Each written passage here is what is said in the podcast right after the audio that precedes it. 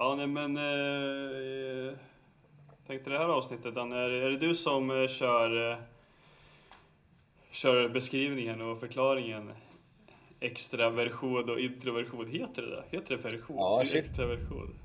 Extraversion. Extra, ex, Extro, ja, extra på engelska med extroversion och introversion på extroversion, svenska. introversion. Ja.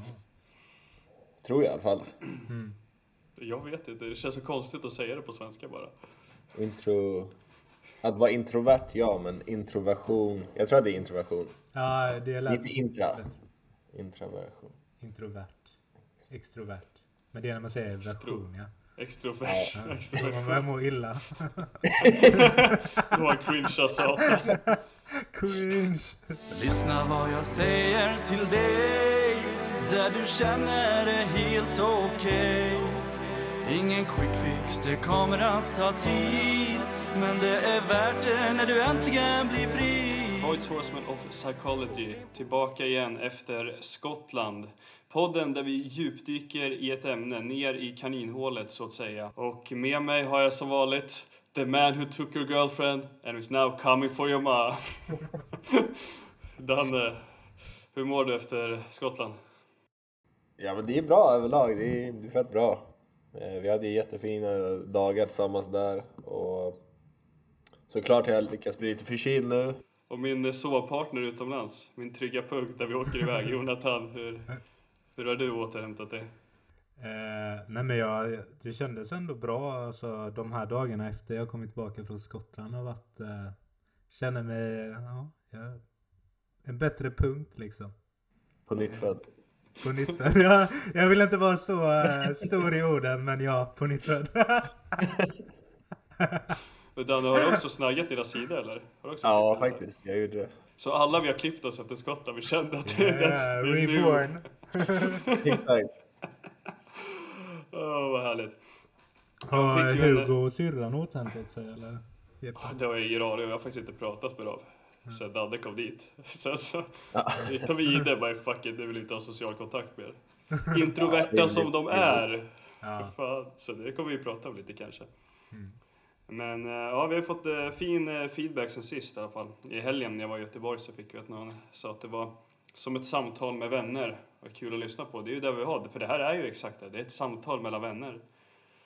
Och nu har vi gått från relationer, så vi har haft fyra relationsavsnitt, ska vi nu gå över till lite mer intrapersonellt tema och djupdyka i oss själva och ämnen som berör det. Idag ska vi gå igenom koncepten extroversion och introversion. Ja, men det är, vi ska snacka lite introversion och extroversion. Jag är så van att säga på engelska introversion än extraversion. Men ehm, ja, precis. Vad är det? Ja, men det är eh, personlighetsdrag kan man säga. Det har varit ehm, kategoriserat som typer tidigare enligt ehm, Carl Jung då, som var personen som myntade begreppen. Och ja, men han, han såg ju på personlighet mycket i, form, i termer av typer. Där man var mer antingen eller, eh, antingen introvert eller extrovert. Snarare än så som vi ser på det mer idag, att det är mer i termer av eh, ett spektrum. Där det liksom är mer grader och, och så. Okej, så Men, det var eh, kategorier i stort sett? Att man, Ja, man plottar in folk med kategorierna snarare än på en linje mellan 1 till 10 så finns det mellan 1 till 1, 2, 3, 4, 5, 6, 7, 8, 9 så har det så här, du är ettan eller så är det tian. Det är inget däremellan. Eller? Exakt, mer åt det hållet. Och sen, det var, alltså, han hade en väldigt komplex syn på personlighet, så jag ska inte säga att jag förstår helt och hållet. Men det var också lite så att det är kategorier eller typer, men också att man har båda i sig. Men att den ena typen är, är mer dominant hos en viss person då. Så hos en mer introvert person kommer den liksom introverta typen vara mer dominant och ja, men få mer framträdande, eller vad man säger. Um, men ja, vi kan ju börja med Jung där han såg, ja men så här, typ en viktig del i hur han eh, för, alltså, delade upp introvert versus extrovert var vart man orienterar sin uppmärksamhet och där introverta introvert är mer orienterad mot det som händer inom personens psyke. Alltså så här, sina egna tankar, sina egna känslor och attityder. Eh, så man ser då, man, man såg då en mer liksom starkare self-awareness. Alltså det är svårt att säga, ja men typ självmedvetenhet antar jag. Ehm, Medan en extrovert person är mer orienterad mot externa händelser och företeelser. Ehm, så den personen kommer då vara mindre medveten om vad som händer inom sig, i alla fall enligt så Jung, om man ser på det lite simpelt. Ehm, men mer medveten om vad som händer omkring sig. Liksom, vilken miljö finner man sig i, vilka personer, vad känner de kanske? Alltså mer på det sättet.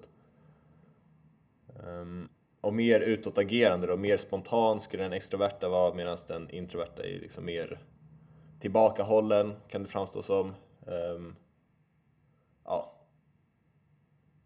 Och idag så är också introvert versus extrovert en av de fem dimensionerna i den mest använda personlighets... Um, ehm, den mest använda personlighetsmodellen idag, Big Five. Um, och um, ja, det finns ju en rad olika frågor där som används för att liksom avgöra vart man hamnar på det spektrat, introvert versus extroverta. Um, ehm, vi kommer säkert komma in mer på det snart, men jag vill också nämna att det finns en mer så biologisk syn på introversion och extroversion också, som jag tror att det var Isink som var den första som forskade på det, eller kom fram med den modellen, eller teorin då. Där man såg att, jag tror att han började med experiment, man hade typ en tandpetare på tungan eller någonting och sen så stimulerade man på något sätt att tungan nervsystemet med typ citron. Jag vet inte exakt hur det funkar men då kunde man se hur mycket den här typ tandpetaren så här, äh, typ reste sig upp. Det var inte bara på tungan, det var ja, men något sånt basically så såg man hur lätt stimulerat nervsystemet är.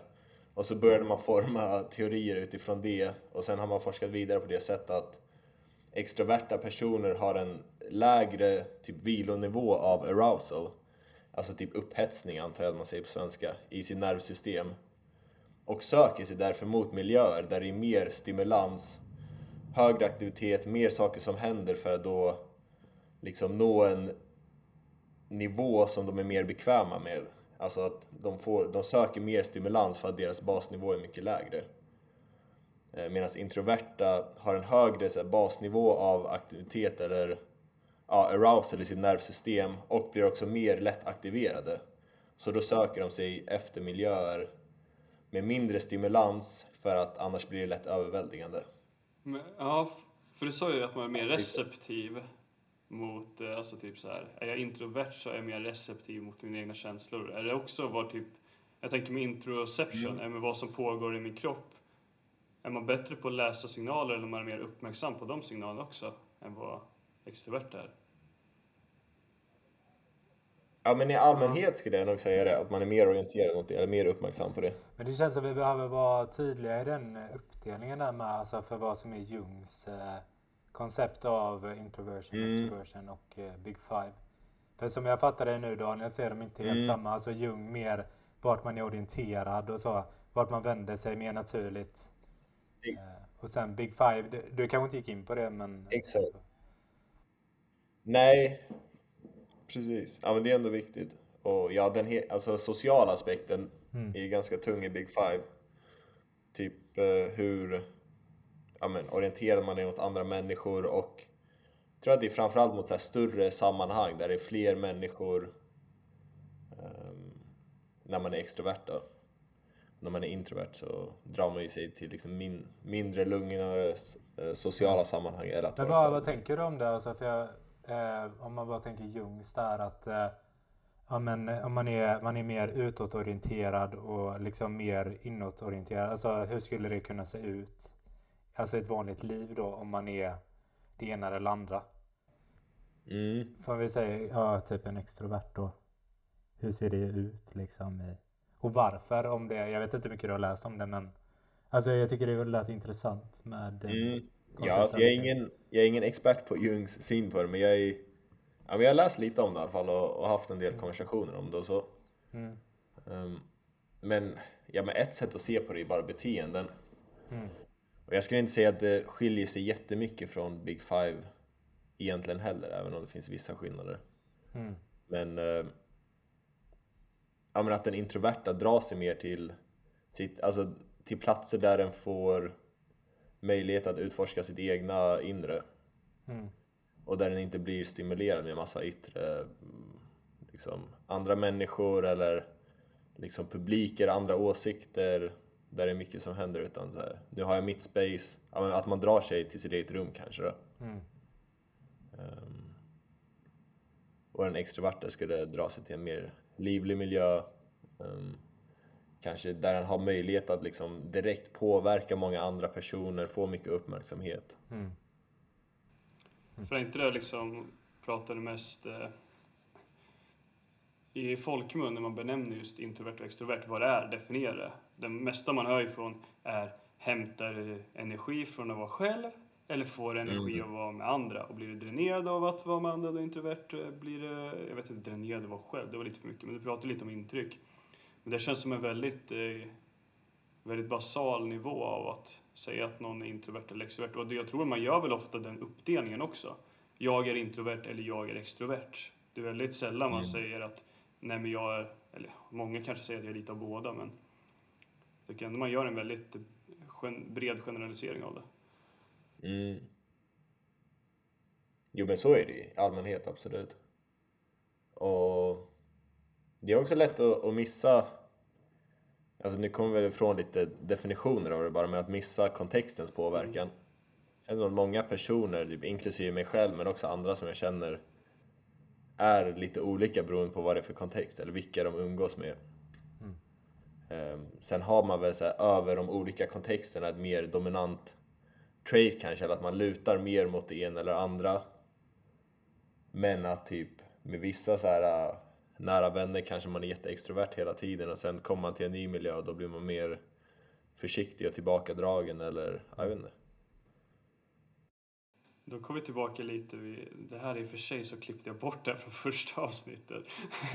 så det, kan, folk kan inte veta att vi pratar om Vi pratar om barn, vi pratar om anknytning så frågar jag, ja men någon som är väldigt utåtgående, är det en trygg, har en trygg anknytning? Men så pratar vi om det finns med om det kan vara väldigt extrovert och vad är vad att vara extrovert kontra liksom, eller introvert och vara blygsam. Alltså vara väldigt blyg som barn eller blyg nu. Man kan vara blyg i olika miljöer för att man är mer kanske analytisk och inte så mycket straight forward och bara kör.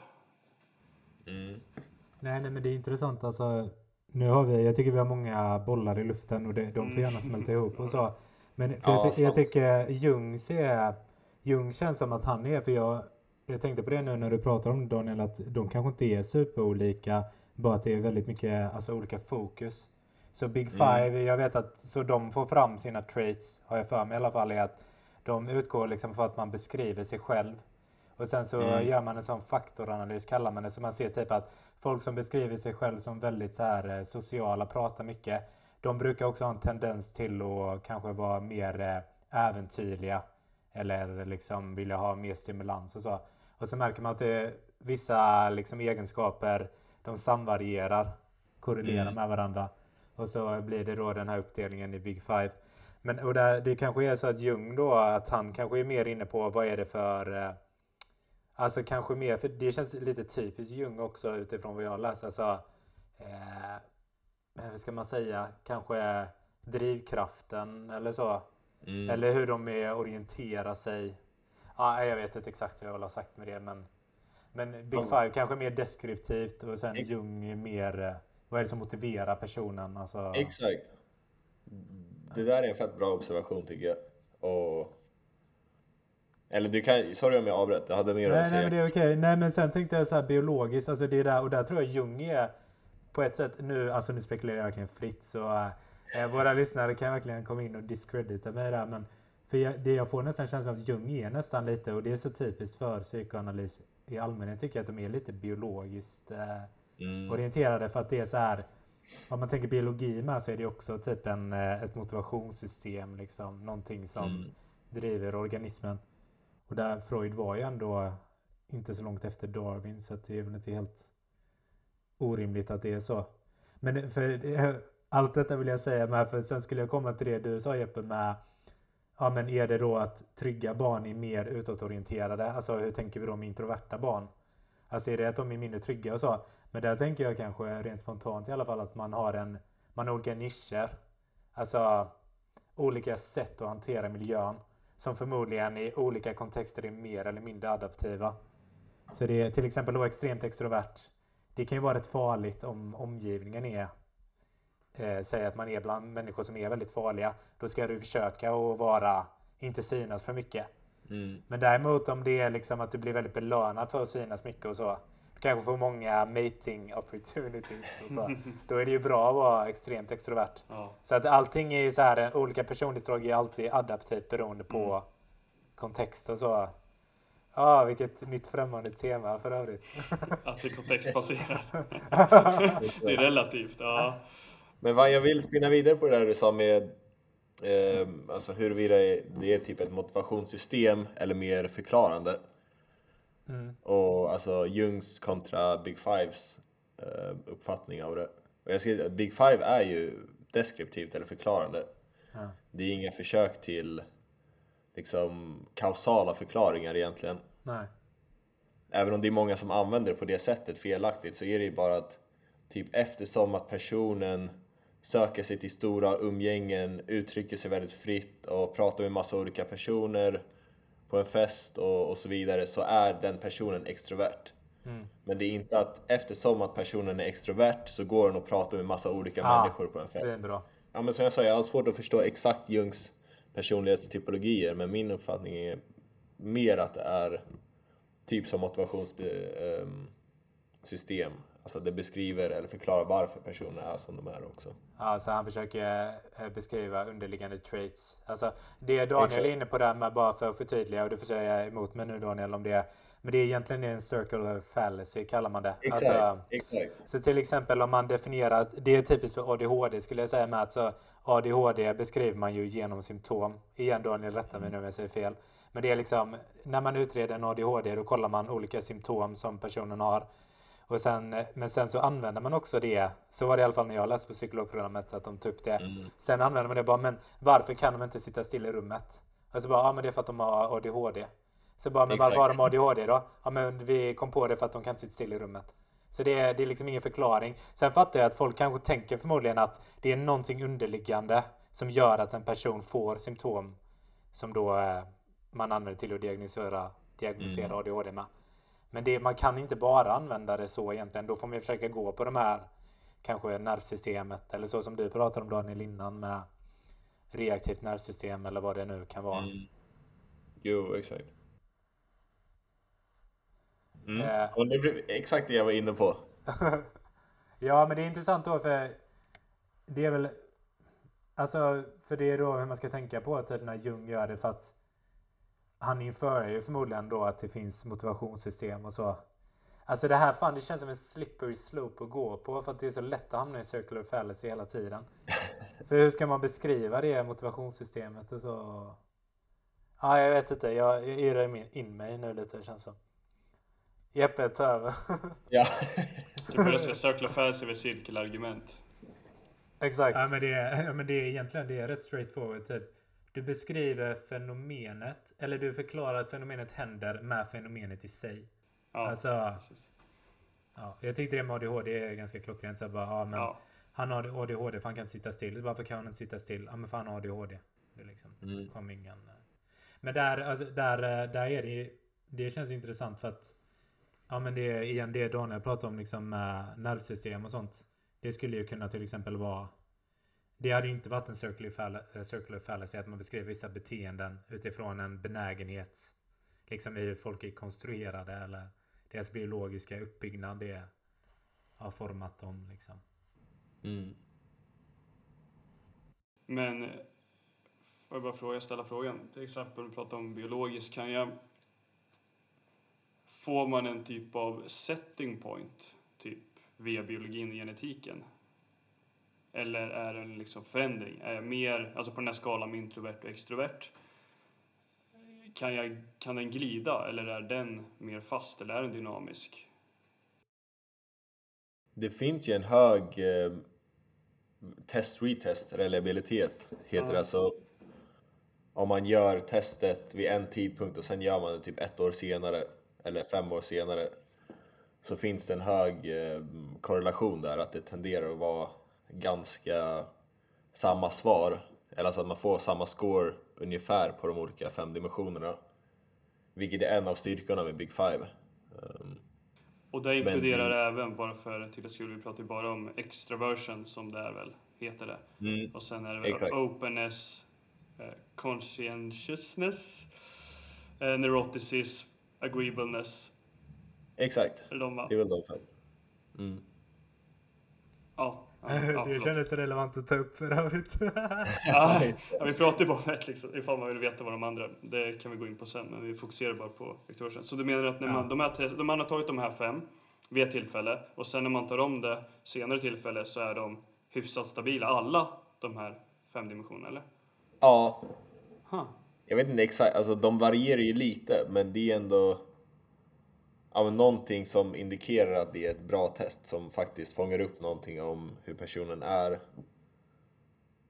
Men ja, det finns ju en grad av variation jag tror att för, det här är på gruppnivå, så finns en hög test-retest, men för en, en viss individ så Alltså man kan ju utifrån det dra slutsatsen att då kommer det vara ganska stabilt hos de flesta.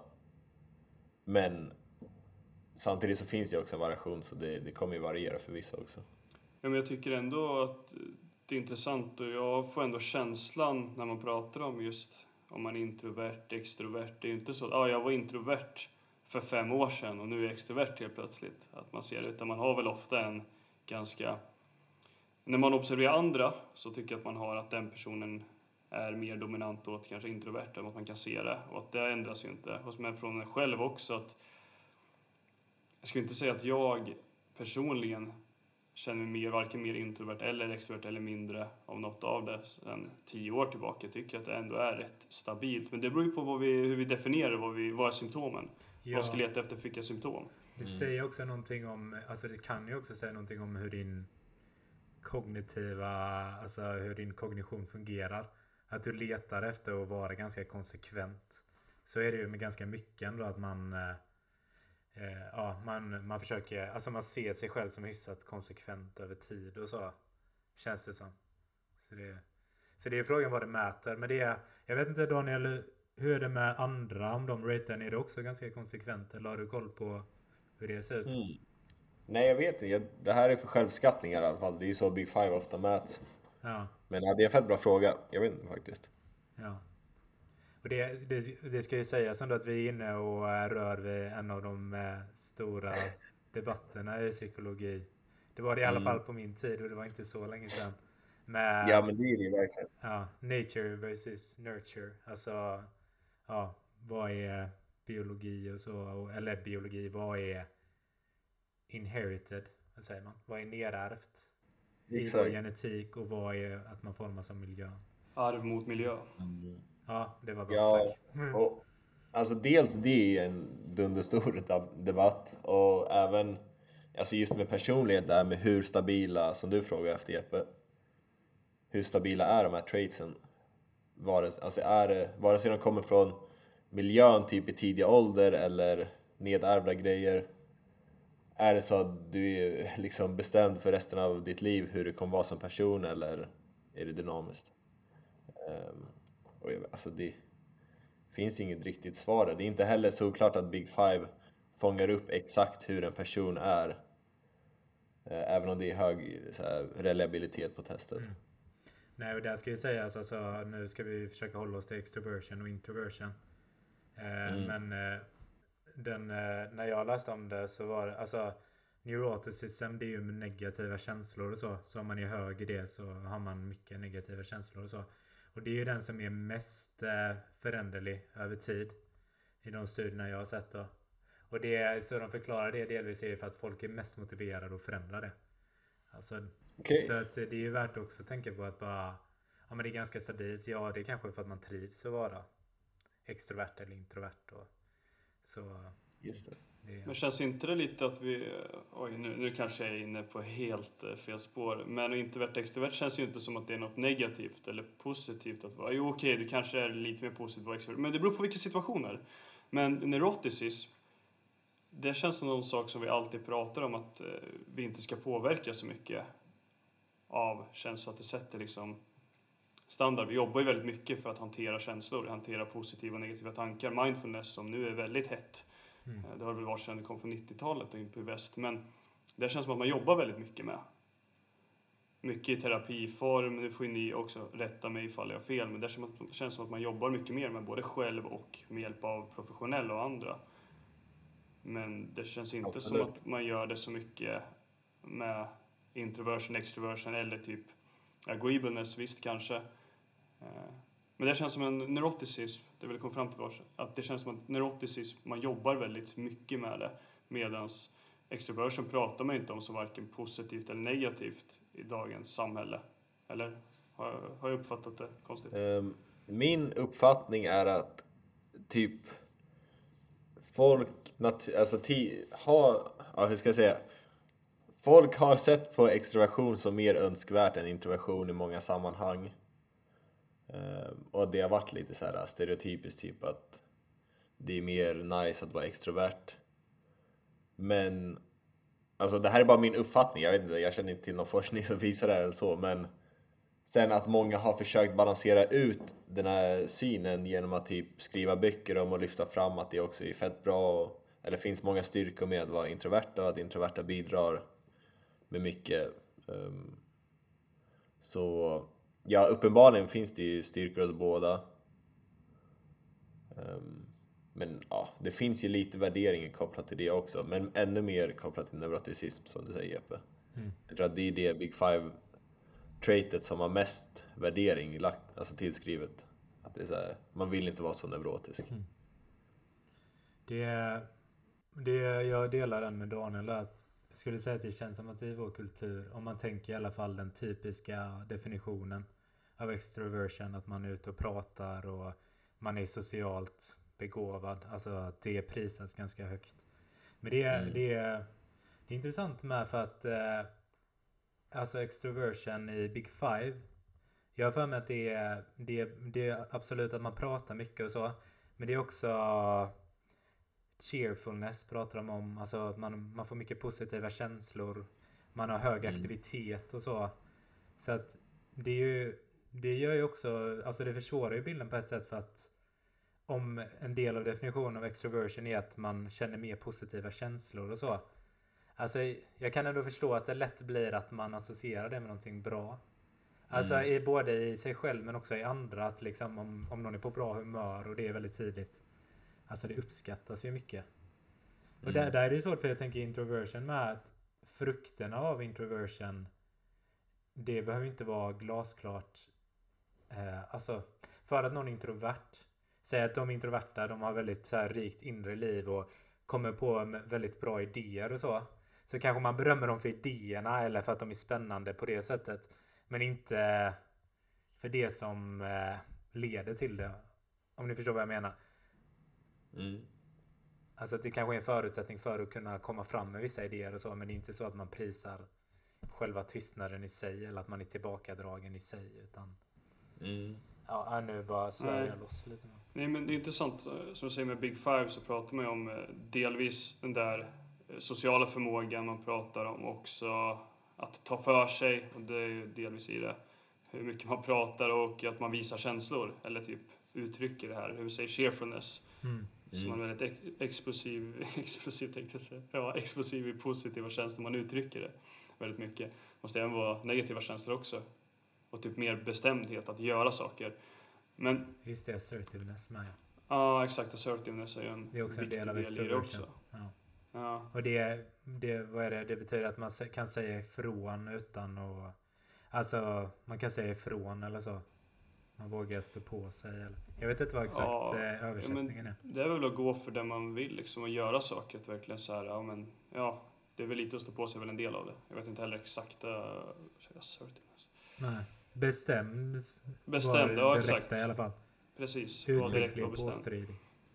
Och då, då kan vi prata om färgerna. Nej, vi ska inte prata om Thomas Erikssons färger. Skapa inga fiender nu Jeppe. Ja, men det är ju alltså, det är inga problem ifall vi ska gå in på färger. Då, de får gärna komma come at me om det kommer till det. Jag tycker inte om det överhuvudtaget. Eh, nej men, jag tänker i, eh, att extrovert, absolut, det är ju mer önskvärt att vara, men det är väl bara, det är ju inte helheten, för det är väl mer också, alltså vara mer utåtriktad är väl det man framförallt känner att man kanske vill vara, som är önskvärt. Ja, I guess så. Liksom. Jag menar, det kommer många positiva konsekvenser av det också i så fall. Ehm, Ja, nej, jag tänkte koppla med korrelationen mellan neuroticism och extroversion ifall det finns för att det känns ju, alltså nu, nu tänker jag den stereotypiska och vad man tänker utifrån. Någon som är väldigt outgoing och assertive bestämd och så känns det som att den har lägre i neuroticism och påverkas inte lika mycket av sina känslor, inte så liksom. Det är ingen nasse direkt känns det som. Om man tänker en typisk extrovert person. vad sa du? Det är ingen... Nasse från Nalle. Nej, eh, ja men du var inne på det lite Jonathan också, det här med ja, men typ cheerfulness och jag har att det finns en stark korrelation mellan extroversion och positiva affekter eller känslor.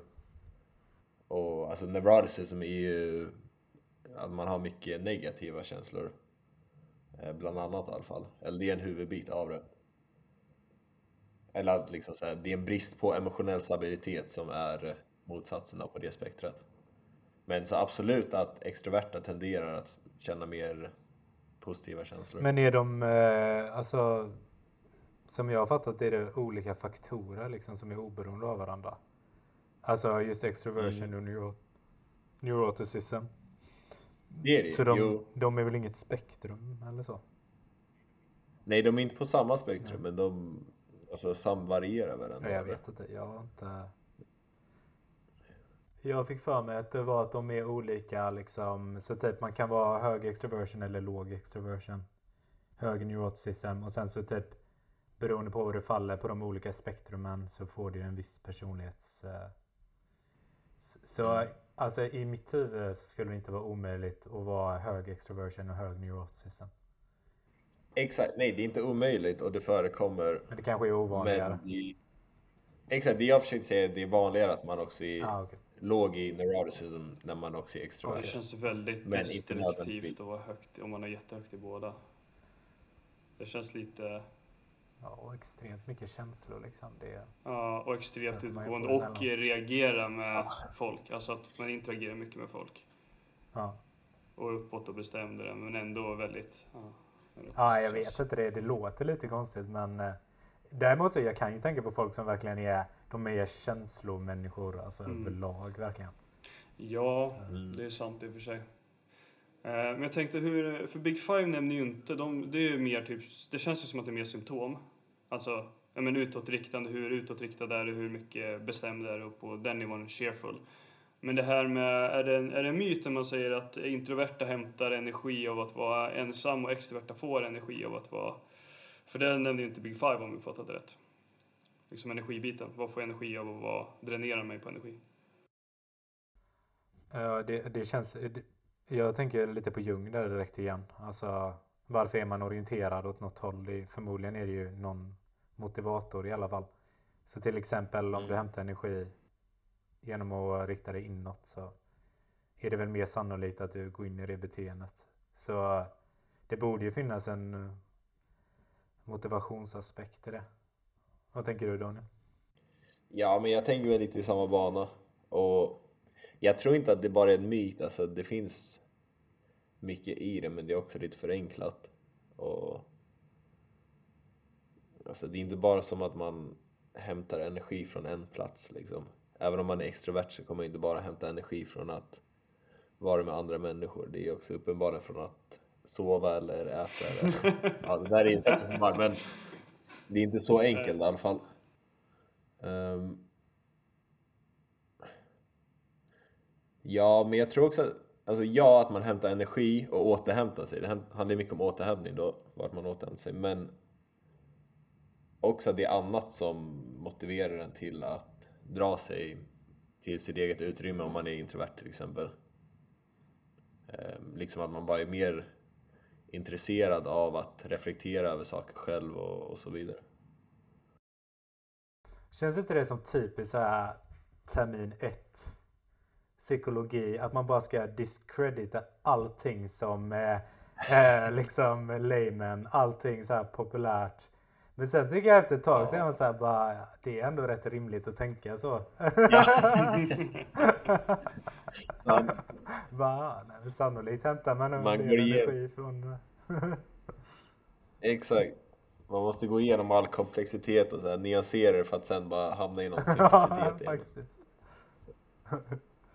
Vi tre, om vi skulle gå på eh, Jungs, vi som eh, ändå är tänkare och tycker om mycket att fundera på saker, vi, skulle vi vara introverta enligt hans? Alltså för det första får vi nog eh, dela upp vår Oroboro till att vi är tre individer. Till exempel, jag tror ändå, jag tror du är nog lite mer extrovert än vad jag är enligt den Jeppe. Lite, alltså lite mer. Men eh, jag vet fan inte alltså var man hade hamnat. Har ni gjort den där, eh, det testet som Jung har? När man blir, eh, Aha, man, blir en, MBTI. ja, man blir en karaktär. Ja, Myers-Briggs. exakt. Nej, faktiskt inte. Men det är... Alltså det är inte Jung, det bygger ju på Jungs Ah, okej. typologier. Nej, nej. Har inte. Jung suttit och programmerat fram det eller? Nej, men jag tänker att man är komplexitet som du säger, att jag tror att alla tänker sig själva som både och nästan, eller att man inte är helt åt något håll. Mm. Och då är frågan, vad, vad är det som avgör verkligen, hur vet jag om vilken som är dominant? För annars kan man ju säga att det beror på. Ja, jag tycker om att vara center of attention och kliva ut och prata med folk och allt, men jag är inte, som Dan säger, inte socialast i alla sammanhang. Bara det som är viktigt för mig. Och jag tycker om att vara själv om mig själv och tänka om saker också, även fast det är väl för mycket av den varan just nu.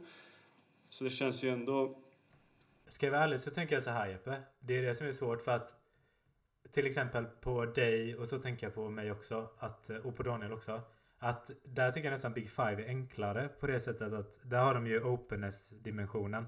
Som är att man gillar mycket idéer och sånt. Ja, Eh, det finns också den aspekten med att man eh, gillar, man gillar nya upplevelser, nya upplevelser och så. Så där skulle jag kanske tänka oss som ganska höga openness. Eh, Mm. så typ, men i Jungs så känns det som att introversion och openness nästan tangerar varandra lite. Det säger jag utan att ha läst så mycket kring Jungs. Eh, så det är ett observandum. Men Mm. Ja men det är ändå viktigt att ta in openness där. Just när vi snackar om att tycka om att reflektera och snacka om idéer Ja. och så. Så jag skulle säga att jag är ganska så här äh, salig blandning. Jag trivs med, med båda delarna i, i min vardag så. Mm. Alltså för du frågade väl innan om vi skulle säga att vi är mer extroverta än Ja, jag introverta? tycker eller? att, ja, framförallt att det skiljer sig nog beroende på om man pratar just Jung och det var så Jonathan svar på att det kanske är mer att man tar in flera andra faktorer. Men skulle man prata Big Five eller dissekera ännu mer så är det en större diskrepans, eller en större skillnad, förlåt, större skillnad mellan vad man är. Mm. det är alltså ett helt annat tema på det. Som är intressant med, som jag har förstått att, hur de jobbar nu i, inom vissa cirklar och forskningen och så i alla fall. Eh, det var bara att säga det, nu har jag lyssnat på, jag tror det, undrar om det var John Vervaeke, den här professorn i, ja nu kommer jag inte ihåg var han är någonstans. Men han är ju, han forskar väl inom, eller jag vet inte om han forskar ens, vad fan är han? Är det inte Toronto? Toronto. Ja. Men så också i alla fall, för jag för mig att han nämnde någonting om det att de håller på att programmera. Alltså de, eh, de gör olika program. Och sen baserat på vad de ger för, eh, alltså, ska man säga typ, beroende på hur man programmerar olika system då så eh, så beter de sig på ett visst sätt. Det låter rörigt. Men ta till exempel om, de fick om man blir mer bestraffad när man gör fel än vad man blir belönad när man gör rätt. Så eh, blev systemet mer conscientious, pratar han om. Alltså, så då är man mer noggrann Okej. och så. Men däremot om man får hög belöning för att göra rätt och det är inte så farligt att göra fel så blir man väldigt extrovert. Eh, Så det var intressant. Jag tror också, jag för mig Martin pratade om, det var ändå något liknande så här att de Ja men de, genom att testa olika koder och så med, alltså de programmerar på olika sätt. Så beter de sig, alltså Det ska imitera personlighet på något sätt. Beroende på eh, Det är också rätt intressant i I den här kontexten med personlighet. Nu förklarade jag det ganska segt. men- Nej men det där, är, det där är fett intressant. Och det får mig att komma ihåg att jag har hört om lite forskning också som har kollat på typ hur extroverta kontra introverta reagerar på just belöning eller bestraffning. Och att alltså, extroverta lär sig liksom, på gruppnivå mer av eh, belöning och förstärkning Ja. om jag kommer ihåg rätt. Ja, det ja, är ja men det exakt så. också, men att Det är ju logiskt om man tänker Ja. biolog. Alltså en eh, evolutionär nisch nästan. Typ att i, i vissa miljöer Mm. är det ju bättre att gå för belöningar än att vara för rädd för konsekvenserna. Men inte alltid, så man försöker väl hitta någon Mm. form av ratio där. Det är också signal detection theory också. nu bara spottar jag ut massa. Men eh, typ om det är, man ska döma om det är en riktig signal eller om det är noise. Och så sätter man eh, sitt threshold på olika plan. Så antingen så typ, du vill absolut inte ha en falsk signal. Så för att du ska tro på att det är en riktig signal så sätter du liksom thresholdet väldigt, högt. Det, det låter askonstigt. Jag ska förklara typ så här. Säg att du hör, det här är ett exempel som, men typ du hör någonting låta i eh, bakom dig. Eh, och så om du hör så här, bara, men förmodligen är det bara någon kompis som fular sig eller så. Då, eh, då tänker du att det är en falsk signal, det är inget du behöver lyssna på. Men om du varje gång hör någonting bakom dig tänker bara shit det är förmodligen en tiger, jag måste vara beredd att springa som fan och så. Då har du ett väldigt lågt threshold. Så en person som är väldigt känslig för det, den kommer springa iväg liksom nio gånger av tio. Medan en person som bara, nej men det är förmodligen lugnt, han kommer stå kvar liksom och... Alltså jag orkar inte ens, jag orkar inte med mig själv. Jag orkar inte rappa upp detta. Bara klipp det här Jeppe. Nej men vad, vad tänkte du? Du förklarar ändå signal Ja, men min poäng med det är liksom att det skulle ju kunna vara som en typ eh, neuroticism till exempel är att eh, man är mycket mer känslig för signaler. Eh, alltså man tolkar mer som ett hot kanske än någon som i låg neuroticism då. alltså att de, det är mycket, ska krävas Mm. mycket mer för att de ska tolka någonting som ett hot. Ja. Jag spårade ut. Just det. Jag Nej men det är, det är, en, bra reflektion. Men apropå det innan med så här belöning och Ja. bestraffning. Det är också så att man kan, om man ska använda det lite så här figursy hur man vill äh, träna upp en Ja, introvert exakt. eller extrovert. Eller om man vill, om vi säger att man vill få sin partner, om vi går in lite på tidigare episoder också, så här att typ eh, att laga mer mat. och det är en extrovert partner, då är det bara att belöna sönder när den personen har gjort mat liksom. Tusen pussar och Ja. kramar, vad fan vad grym det är syrra. Men om det är en mer introvert, okej det här är väldigt mycket baserat på Rebecka, jag gruppnivå. hoppas du lyssnar på det Danne vill att du ska laga eh, mat. Allting Daniel har gjort på senaste. Det makes so much sense. Ja men är det mer introvert partner i alla fall, då är det bara att bestraffa varje gång. Fan har du inte lagat mat idag heller? Fast introvert känns ju, du får ju vara typ någon som är väldigt så här, inte tycker om negativa känslor. Frågan är om det landar bra i längden va? Ja exakt, det finns ju lite Men det, det där är ju egentligen på samma tema som det är det jag tycker, tänker att de gör när de håller på och försöker programmera. Det är liksom att de gör det nerifrån och upp istället. Att om vi ska skapa en introvert människa liksom, Ja, okej. så provar vi. Vi provar att belöna slash bestraffa eh, på det här sättet. Alltså programmera någonting som lär sig på det sättet. Alltså en inlärningsmodell på det sättet. Och så ser man vad man får för någonting. Mm. Mm. Så det här är ju egentligen motsatt. Eh, eller så. inte Ja, ja, men exakt. Det är nerifrån och upp. Fan, jag fick så jävla ont i huvudet.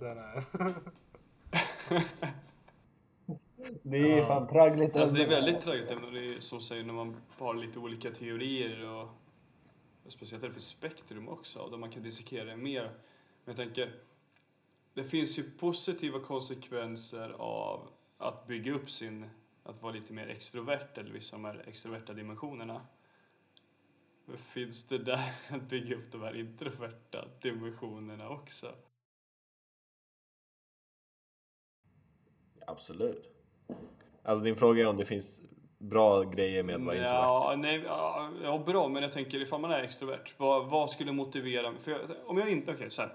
Om jag är introvert och märker att jag missar väldigt mycket eh, av det att jag inte är på sociala sammanhang eller utgående på det sättet. Jag glömmer sig bort, eh, kanske inte får meningsfulla relationer, vi ska ta det tidigare, att inte ge det chansen. Eh, då kanske jag bara, ja, men jag vill ha ett socialt nätverk. Det är min motivator. Eller jag vill träffa en partner. Det är min motivator till att uttrycka lite mer de här extroverta symptomen som vi pratade om tidigare. Vara lite mer socialt utåtriktad. Men om jag är socialt utåtriktad, vad kan vara en motivator till att bli lite mer av de introverta symptomen som vi inte har pratat om utan blir lägre i de skalorna, de faktorerna som vi pratar om? Alltså, förlåt, jag, det, jag är lite manglad i huvudet, men alltså vad som skulle motivera en till introversion? Eh, för det, jag tänker, det är ju ändå mycket saker man bara kan få när man är ensam. Alltså, typ en relation till sig själv. Det blir lättare att kanske känna, alltså se vad man själv vill och tycker. Fantasi kanske. Eh, alltså bara att det är väldigt utvilande och inte ha så mycket stimulans. Till exempel om man är introvert då. Alltså det kan jag ju känna igen mig i till exempel. Alltså ibland tycker jag det är så skönt att bara minimumstimulans. Sätta på mina hörlurar med noise cancelling och så att eh, Alltså jag tror ändå det finns många grejer. Eh, man kan också kanske, då får man ju tid kanske utveckla idéer själv också. Och, Mm. ja. Ja, jag tänk- tänker på det här med typ självkännedom också. Alltså, man får ju mycket självkännedom i sociala sammanhang också av den feedbacken man får från andra, men jag tror att det finns ett värde för alla i så här, att göra introspektion och liksom verkligen försöka bekanta sig med sitt inre mer. Och lite beroende på vad, ja, eller vad jag till och med säger, lite beroende på vad man har för tendenser sedan tidigare. Att om man är mer introvert, då är det nog värdefullt att försöka utforska sig själv mer i mer sociala, eller så här extroverta sammanhang om man säger så. Ehm, och vice versa då för extroverta. Ja, det är, för jag tänker att om man bara var extrovert, om man bara umgicks med andra människor hela tiden och så, alltså. Det finns ju en risk att man kan uppfattas som lite ytlig kanske om man inte Alltså man har inte utforskat sina egna värderingar och så. Det kan man kanske göra i sammanhang med andra med i och för sig. Det är nog, alltså där pratar jag nog för egen del med att jag tycker det är svårt att alltid uppfatta Om jag bara hade umgåtts med andra hela tiden så hade det haft väldigt svårt att veta exakt Alltså här, vad står jag i olika saker och så. Mm. Eh, det är klart, det kan ju vara svårt ändå, men Ja, jag tror att det är bra att ge sig själv utrymme också att bara liksom komma i kontakt med sitt inre liv här och där, även om man inte tycker det är lika roligt. nej, precis. Det hade ju också varit med om man tänker så här i vänskaper och så. Om vi säger om vi är ute och reser och ni hela tiden bara vill träffa andra, gå ut på diskon och sånt. Alltså, nu är det i och för sig en matchning för att om jag hade varit sån så hade det ju såklart varit logiskt.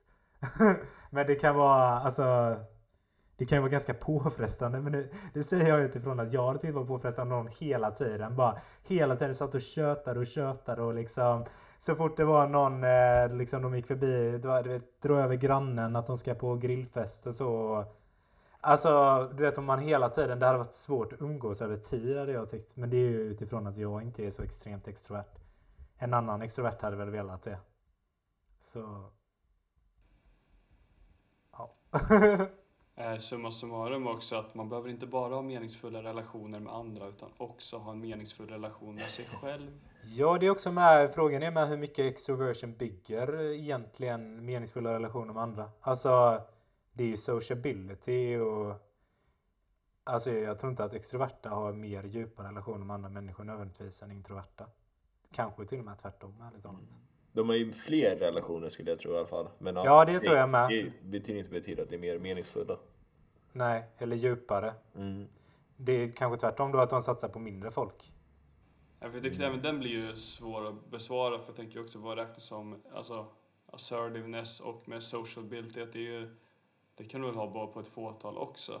Men de ger i alla fall sig själv, själva en chans att skapa meningsfulla relationer. Sen är det klart att ut, ja, det kan ju för sig bli lite krävande också om man är extrovert. Om du inte skulle ha flera relationer att kunna vattna så att säga, utan bara en. Då blir man väl väldigt så här, shit ska vi göra det här? Ska vi följa med det här? Ja, du behöver ju "Äh, kom igen nu, gör vi! Jonathan, vi gör disco, disco, kom igen! det får ju vara någon riktigt underhållande person om det bara ska vara en. Grillfester, Över tid också.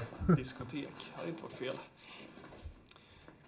Jag, alltså det blir jättesvårt för att man drar ju alla över en kam. Jag tänker bara liksom en extrovert människa tänker på ett visst sätt och introvert människa ett sätt. Och det är klart att den typiska extroverta människan är det som du säger, då kanske man vattnar fler relationer och bara går och pratar med alla i stort sett och bjuder in till grillfester och vill ha sociala sammanhang och stimulans konstant. Ja. Ja, jag tänkte på en sak också. ehm, som jag hörde någon, jag kommer inte ihåg var exakt jag plockade upp det, men just att det är ju lätt hänt för så här introverta och extroverta att feltolka varandra. Om man ser det som en, alltså, sen, eller för folk som är mer extroverta eller mer introverta om vi säger så. Att typ en person som är mer åt extroverta hållet kommer riskera att typ tolka en, introvert, en mer introvert person som typ otrevlig eller ointresserad eller dryg och så här utgå ifrån sig själv och sina egna tendenser för att sen förstå någon annans beteende. Um, och då blir det ju, jag vet inte, det blir lätt missförstånd där och att man säger Fan varför, varför tycker den här personen inte om mig? Eller varför är den här personen så sjukt ointresserad av mig trots att jag frågar massa frågor? Det är, alltså, det är värt att ha det i åtanke tror jag för att inte missförstå varandra. Att dens liksom, tendenser utifrån introvert och extrovert eh, dimensionen påverkar hur man uppfattar varandra. Det där kanske är jätteotydligt men Nej men jag förstår men det där är väl någonting som finns även i, om jag tänker ett praktiskt exempel att om jag är extrovert, väldigt extrovert, jag vill ha middagsbjudningar, jag vill liksom så här, eller gå på fester och allting. Och min partner bara, nej men jag vill inte gå på uh, din släktträff. Eh, och då kan man tänka, va? Gillar du inte min släkt? Är du, varför vill du inte Mm. göra det? Och egentligen så är det bara att, nej men jag orkar inte, jag har inte det där batteriet, jag är inte så utåtgående med massa stimulans, det sociala stimulansen, det är barn som flänger omkring och ja, jag måste aktivt liksom anstränga mig för att ja, vara påslagen hela tiden när jag pratar med dina släktingar. Och det känns ju som en sak som kan skapa konflikter. Man själv kanske är världens eh, sociala social butterfly och bara kliver in i hennes släktkalas. Åh vad kul att träffa en kompis och släkter och leker med barnen. Och man, liksom så här, man får jättemycket stimulans, tycker det är världens roligaste sak. Och det inte blir bemött på samma sätt tillbaka för att det utgår från mig själv. Det kan ju Exakt. absolut skapa någonting som är ja, icke fruktbart. mm. Har ni hamnat i sådana problem med era respektive? Uh. När de här ko- kolliderar, fast ni kanske har samma typ av ja, extroversion, introversion som era partners, jag vet inte. Ja, alltså lite kanske. Det är, jag skulle säga att min tjej och sambo Rebecca är ju betydligt mer extrovert än vad jag är. Jag skulle säga att typ, jag är ganska mycket i mitten, 50 av 100 kanske. Och hon är väl typ 90 av 100 eller någonting. Ehm, ja men lite där med så här. ja, Jag vet inte, det blir typ om man tänker från den introvertas håll Ja. när det kan feltolkas åt det hållet så här, varför är en extrovert som den är? Då har det varit lite för mig så här, varför respekterar du inte mina gränser? Vi behöver inte gå in för mycket detaljer men lite åt det hållet. Och, ja. Ja. men det är ju mycket hur den andra förhåller sig. Jag tror Alexandra är nog, hon är mer extrovert än vad jag är med. Tror jag. Eh, men det är ju så länge man förstår varandra där så är det ju inget. Man fattar ju liksom att eh, ja men då kanske hon behöver mer än vad jag behöver. Och, alltså typ om man förstår det så är det lugnt. Men det är om man inte gör det, det är där alltså. Sen kan det ju bli knivigt ändå Men jag tycker typ för min del, det är i alla fall inte den dimensionen där det är Alltså Jag tror inte att det, vi är mest olika i den heller. Kanske är mer Mm. typ så här att jag svävar iväg i idéer och sånt och hon behöver dra tillbaka mig liksom. Vilket är bra också. Så. Men jag tror inte extroversion är den... eh, ja men det är ändå viktigt som du säger, alltså förståelsen. Om man har den Ja. och typ snackar om det, hittar lösningar tillsammans, då går det ju ofta att få ihop den då. Ja exakt. Man kan ju inte bara utgå ifrån sig själv att alla har samma stil som dig själv i det här fallet. Nej men det, det är inte det som är svårt med för det är inte så att Ja. man gör det för att vara ett asshole utan Nej. det bara är Man ser världen på ett visst sätt och bara det är så här man visar att man tycker om någon. Eller det är så här man För jag menar det kan ju bli ett andra hållet med. Bara ah shit vad den här personen investerar och typ lär känna mina syskon och min familj och så. Så är det egentligen bara att den personen tycker det är askul att hålla på och snacka med folk. Skiter väl i dig Ja egentligen. exakt, skit i deras syskon, deras syskon har fucked up. Jag vill bara snacka lite. socialisera. kan vara vem som helst. Ja, exakt. Förhoppningsvis både och. Ja, förhoppningsvis är det. Men det är klart att det är ju... Det är fördel, alltså, på tal om det. Skapa bra relationer är ju en fördel i det här fallet när man är partner. Att skapa bra relationer med sin partners familj och släktingar. Det innebär inte att man gör det, att det är fördjupad eller någonting. Men det öppnar ju upp för det. För att man gärna vill hänga med på saker och gärna bjuder in kanske. Men Ja. ja. som introvert är lite kanske svårare att få möjligheter. Men det innebär ju inte att man, är, man skapar mindre meningsfulla relationer. Nej, för det är, det är nog där jag tänker så här. Det kan bli så lätt att man tänker då, och jag vet inte, det kanske är, här kanske jag tänker fel på det, men det låter ju som att extrovert, då är man med människor och introvert är man inte med människor. Men det känns ju som att introverta hade ju kunnat vilja umgås mycket med människor fast det är andra sammanhang än typ en stor fest och så. Ja, ja, ja. Och det kanske bäddar för djupa relationer med. Så Det det, det. det beror ju på lite. Man ska bara Ja, snärja dem. Ändå vara... Vad sa du? Man ska bara snärja dem först. Och bara, hej, kom hem till mig. Vi kan sitta och snacka bara lite. Du, nej, jag skojar. Middag. Nej, man måste ju- ja, man måste inte vara osocial bara för att man är introvert. Alltså man kanske... Eller att man inte får ut någonting från meningsfulla relationer bara för att man är introvert. Så är det inte. Nej, nej, nej. Utan det är ett viktigt mänskligt behov för alla, tänker jag har jag. ju träffat min syster. Hon är ju jätteintrovert. Ja, och det är ju inte så att hon är, alltså för det, där tänker jag, det var ju inte så att hon sitter tyst eller så och inte pratar och så. Det gör hon ju. Det är bara att hon förmodligen inte gillar den här storfeststimulansen liksom. Så jag menar, det är inte så att det är omöjligt att, eller det kändes inte som att det var omöjligt att få en uppfattning om vem hon var liksom. Och, Ja, men ska vi wrap it up eller? Känner vi oss ja, alltså jag, eller så får jag sitta och lyssna. För jag, min hjärna. Nej, nej men det... Ja, jag tycker Du det. måste klippa Jeppe, det där med ADHD och signal detection alltså. jag, jag, jag vet inte vad jag sa där. Alltså, jag bara, jag bara, lalalala, och sen bara, det är så mycket associationer och sånt. Jag bara, jag vet inte vad jag ska gå någonstans. Nej, det är efter en jobbig Och så har jag suttit och så på HP nu innan med, så jag är redan manglad i huvudet liksom. Jag har tre timmar sitter med den statistiken och bara... eh. Ja, bra jobbat. Eh, ja, Nej, men eh, vi, jag tycker också vi känner oss nöjda. Det är ett tufft ämne faktiskt att gå in i. Det är väldigt komplext. Det kanske var det mest komplexa, eller lite svårt om man inte har något jättestarkt att förhålla sig till i det. Ja, det kändes som att vi också hade mycket på det. Alltså olika grejer med. Typ high sensitive, Jung. Det blev liksom... Ja, mycket. Ja, det är också mycket så här hur... Ja, men just med så här mätinstrumenten, hur bra är de? Olika beskrivningar av fenomenen och liksom hur bra är de faktiska beskrivningarna och hur skiljer de sig från Ja, varandra? exakt. Fan respektera Rebecca, Daniels gränser. Ja. Massa frågor Lagar som om har mat uppstått. eller... Vi kanske går in på de övriga Big, de andra four i Big Five också i senare avsnitt. The Men, four eh, big horsemen. The Big Horse.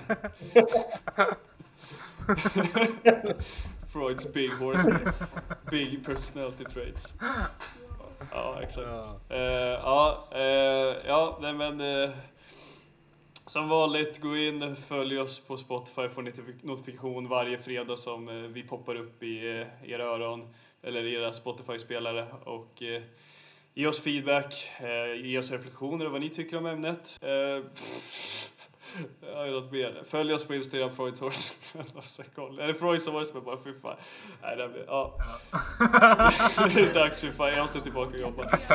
Okej, ja, tack Jonathan, tack Danne. Tack, och allting börjar med ett andetag Ge mig space, jag behöver andas Ge mig tid att ensam vandra. Det är okej, bara jag får landa. Komma bort en stund och bara andas. Ge mig space, jag behöver andas. Ge mig tid att ensam vandra.